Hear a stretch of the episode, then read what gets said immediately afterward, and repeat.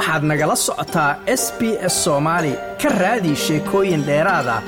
S b s com au xariijin soomaali madaxweynaha dhowaan dib loo doortay ee dowlad goboleedka puntland siciid cabdulaahi deni ayaa faahfaahin ka bixiyey kulan uu dhowaan la yeeshay madaxda sare ee dowladda federaalk ee soomaaliya gaar ahaan madaxweynaha soomaaliya iyo wafdii uu hogaaminayey intii ay ku sugnaayeen munaasabadii calimasaarka ee ka dhacday magaalada garoowe. Deni waxa uu sheegay in gogosha wadahadallada ee dhowaan uu ugu baaqay dowladda dhexe ee soomaaliya ay ogolaadeen madaxda sare ee dalka islamarkaana madaxweynuhu uu u xilsaaray arrintaasi.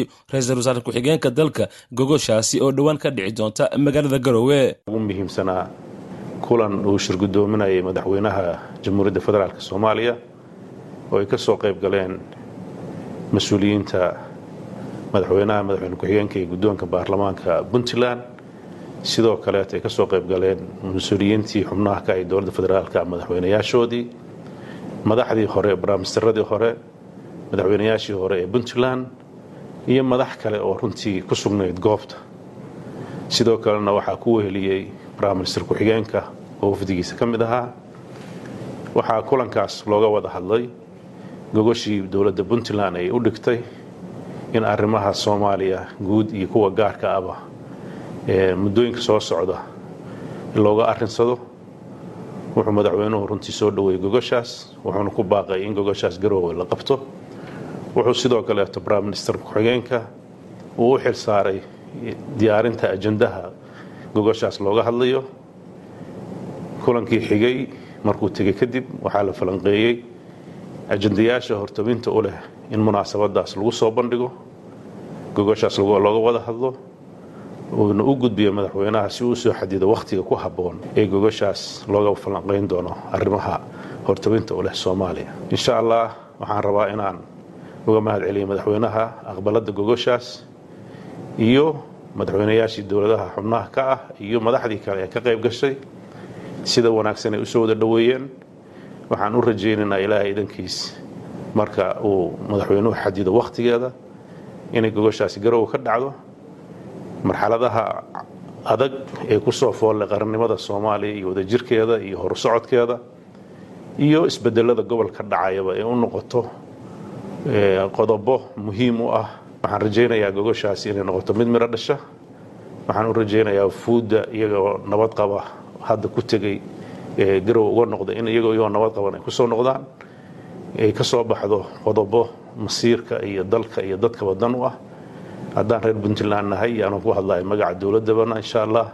Waxaan u diyaar garoobeynaa qabashada gogoshaas dhanka kale wasiirada isgaarsiinta iyo teknolojiyada maamulada dalka xubno ka tirsan golaha wasiirada xildhibaano agaasimayaal iyo aqoon-yahaano kala duwan oo dhinaca isgaarsiinta ah ayaa ka qayb galay furitaanka mashruuc lagu horumarinayo isgaarsiinta iyo teknolojiyada dalka kaasi oo ay soo agaasintay wasaaradda isgaarsiinta iyo teknolojiyadda xukuumadda federaalk ee soomaaliya islamarkaana ka dhacay magaalada muqdisho mashruucan oo ah isku xidhka dijitaalka ee gobolka bariga afrika ayaa la doonayaa in lagu kordhiyo xargaha internetka ee dalka iyo sidii dadka soomaaliyeed ay u heli lahaayeen adeeg internet fiber optic oo ku filan.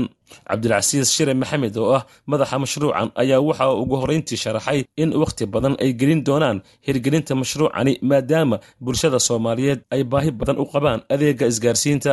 Mashruucan ka kooban yahay afar components. Components waxaan dabcan u turjunay tuducyo kan u horreeya waxaa weeye maaragtay connectivity-ga oo maaragtay qeyb weyn component one ay ku jiraan qorshayaal badan oo mashruuca. Kan ku xiga waxaa weeye data iyo xogaha componentiga labaad. Midka saddexaadna waa online connectivity development.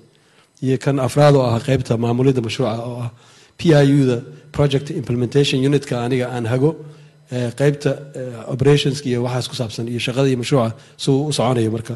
Afartaa component oo muhiimka ayuu mashruucu uu ka kooban yahay. Wasiirka wasaaradda maaliyadda xukuumadda soomaaliya biixi iimaan cigi ayaa isna xusay in mashruucani uu qayb ka yahay mashaariic fara badan oo la doonayo in gobolku ka abuuro isdhexgal xagga dhaqaalaha ahi sidaa daraaddeed dowladdana waajib baa ka saaran in internetka iyo isgaarsiintu ay noqoto wax qof kasta oo soomaaliya access u leeyahay. Adeegyada dowladda laga rabo bay ka mid tahay. Marka taas iyadoo laga duulayo in dowladdu ay la timaado iyadoo adeegsanaysa hanaanka wasiirku inoo sharxay ah triple b-ga in maalgelin dhankaasa la sameeyo si loogu fududeeyo shirkadaha isgaadhsiintu inay si fudud adeegaas u gaadhsiin karaan oo la iskaashado iyadoo la iskaashanayo private sectorka.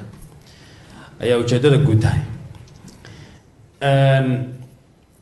dhanka kale mashruucani runtii wuxuu ka mid yahay mashaariic dhowr ah oo ujeeddadooda guud tahay inay horseedaan inuu dhaco isdhexgal dhaqaale oo gobolka ah wasiiru dowlaha wasaaradda isgaarsiinta dalka iyo wasiirka isgaarsiinta iyo teknolojiyada maamulka koonfur galbeed ayaa dhankoodii madasha ka sheegay inay muhiim tahay in kor loo qaado aqoonta i c t-ga ee dalka si mashruucani looga faa'iidaysto. Haddii sharikadaha isgaarsiinta aysan soo gaarsiin lahayn meesha hadda ay taagan tahay mashruucan ma imaadeen. Waxa jacaylla inoo qabana ma aha. Ee waxaan haysanno waayo oo baddii iyo sharikadahan meesha ay soo gaarsiiyeen waxaas waxaa loola baahan yahay marka inaan dhaqaalaysano oo aan dhowrano oo aan ku fara adagno. Hadday ugu horeyso badda inaan difaacano intaas waxaan ku daraynaa qodobka ugu dambeeya nagala rabo oo annaka loola casuumay oo ah doorka aan ku leenahay hirgelinta mashruucan. Waxaan ballan qaadaynaa inta tabar ayna gaarsiisa inaan ka qayb qaadano sidii uu ku fuli lahay mashruucan oo aan garab istaagno haddii ilaah yiraah mashruucani wuxuu xoogga saarayaa adeega internetka waddanka in kor loo qaado iyadoo marka koowaad xadhkaha fiber optica lagu baahinayo dhul baaxadiisu ay tahay afar kun iyo lix boqol oo kilomitr oo waddanka soomaaliya oo inta badan u badan dhulka ka baxsan magaalooyinka waaweyn iskuna xidhaya gobollada waqooyi iyo koonfurba. Dhammaan. Arrinta kale oo mashruucan xoogga saaraya waxa weeye in dhanka shuruucda waddanka ee la xidhiidho i c t-ga kor loo qaado oo shuruucdaasi waxay keenaysaa legal frameworkskaas waxay keenayaan in si hufan looga faa'iidaysto teknolojiyadii waddanka. Arrinta kale uu mashruucan xoogga saaraya waxa weeye in kor loo qaado aqoonta ama xirfadaha i c t-ga ee dalkeenna waxaan digital skills laydhaa haddii internetkii dhulka lagu lagu baahiyo oo dadkii aanay skillski lahayn ka faa'iidaysan maayaan marka skillskiina waa in kor loo qaadaa si dadku ay uga faa'iidaystaan. Ugu dambeyntii wasiirka wasaaradda isgaarsiinta iyo teknolojiyadda xukuumadda federaalk ee soomaaliya jaamac xasan khaliif ayaa tilmaamay in mashruucani uu yahay mid ballaaran oo qaybo kala duwan leh isagoona ballan qaaday in sida u dhaqsiyaha badan loo samayn doono shuruucdii isgaarsiinta ee dalka. Mashruucan haddaa la laajgareeyey insha alla dhaqsuu bilaaban doonaa. Wuxuuna leeyahay faces buu leeyahay kala duwan. Faceka koowaad wuxuu ahaa in laga soo shaqeeyo implementationkiisa yuu ahaa kalabaada la geli doona waxa wey la dhaqangeliyo dhaqangelintu waxay ka bilaaban doontaa waxa la yihahda p p p triple b wax la yidhaahdo tusaale ahaan oo waxaan rabnaa inaan shirkadahan aan dhiirigelino lana wadaagno inuusan jiraynin keebalo kale ee keebada waddanka yaalla. La process garayn doono wuxuu noqon doonaa shirkadaha isgaarsiinta ee gaarka loo leeyahay ee privateka iyo dowladdu inay ku shuraakoobaan kaybalka. Kuwa kale yaalana waa shaqaynayaan. Waxaan lagu wada habeyn doonaa waxa weeye shuruucda waddanka yaalla waayo siyaasado yaa ka ratimaya shuruuc baa ka ratimaysa ka wasaarad ahaan iyo khidmad ahaanna waa naga go-an tahay inaan waddankan shuruuc isgaadhsiineed oo la garan karo oo lagu kalsoon yahay waddanka loo sameeyo. Like aas la wadaag wax ka dheh lana soco barta facebooka ee sb s soomaali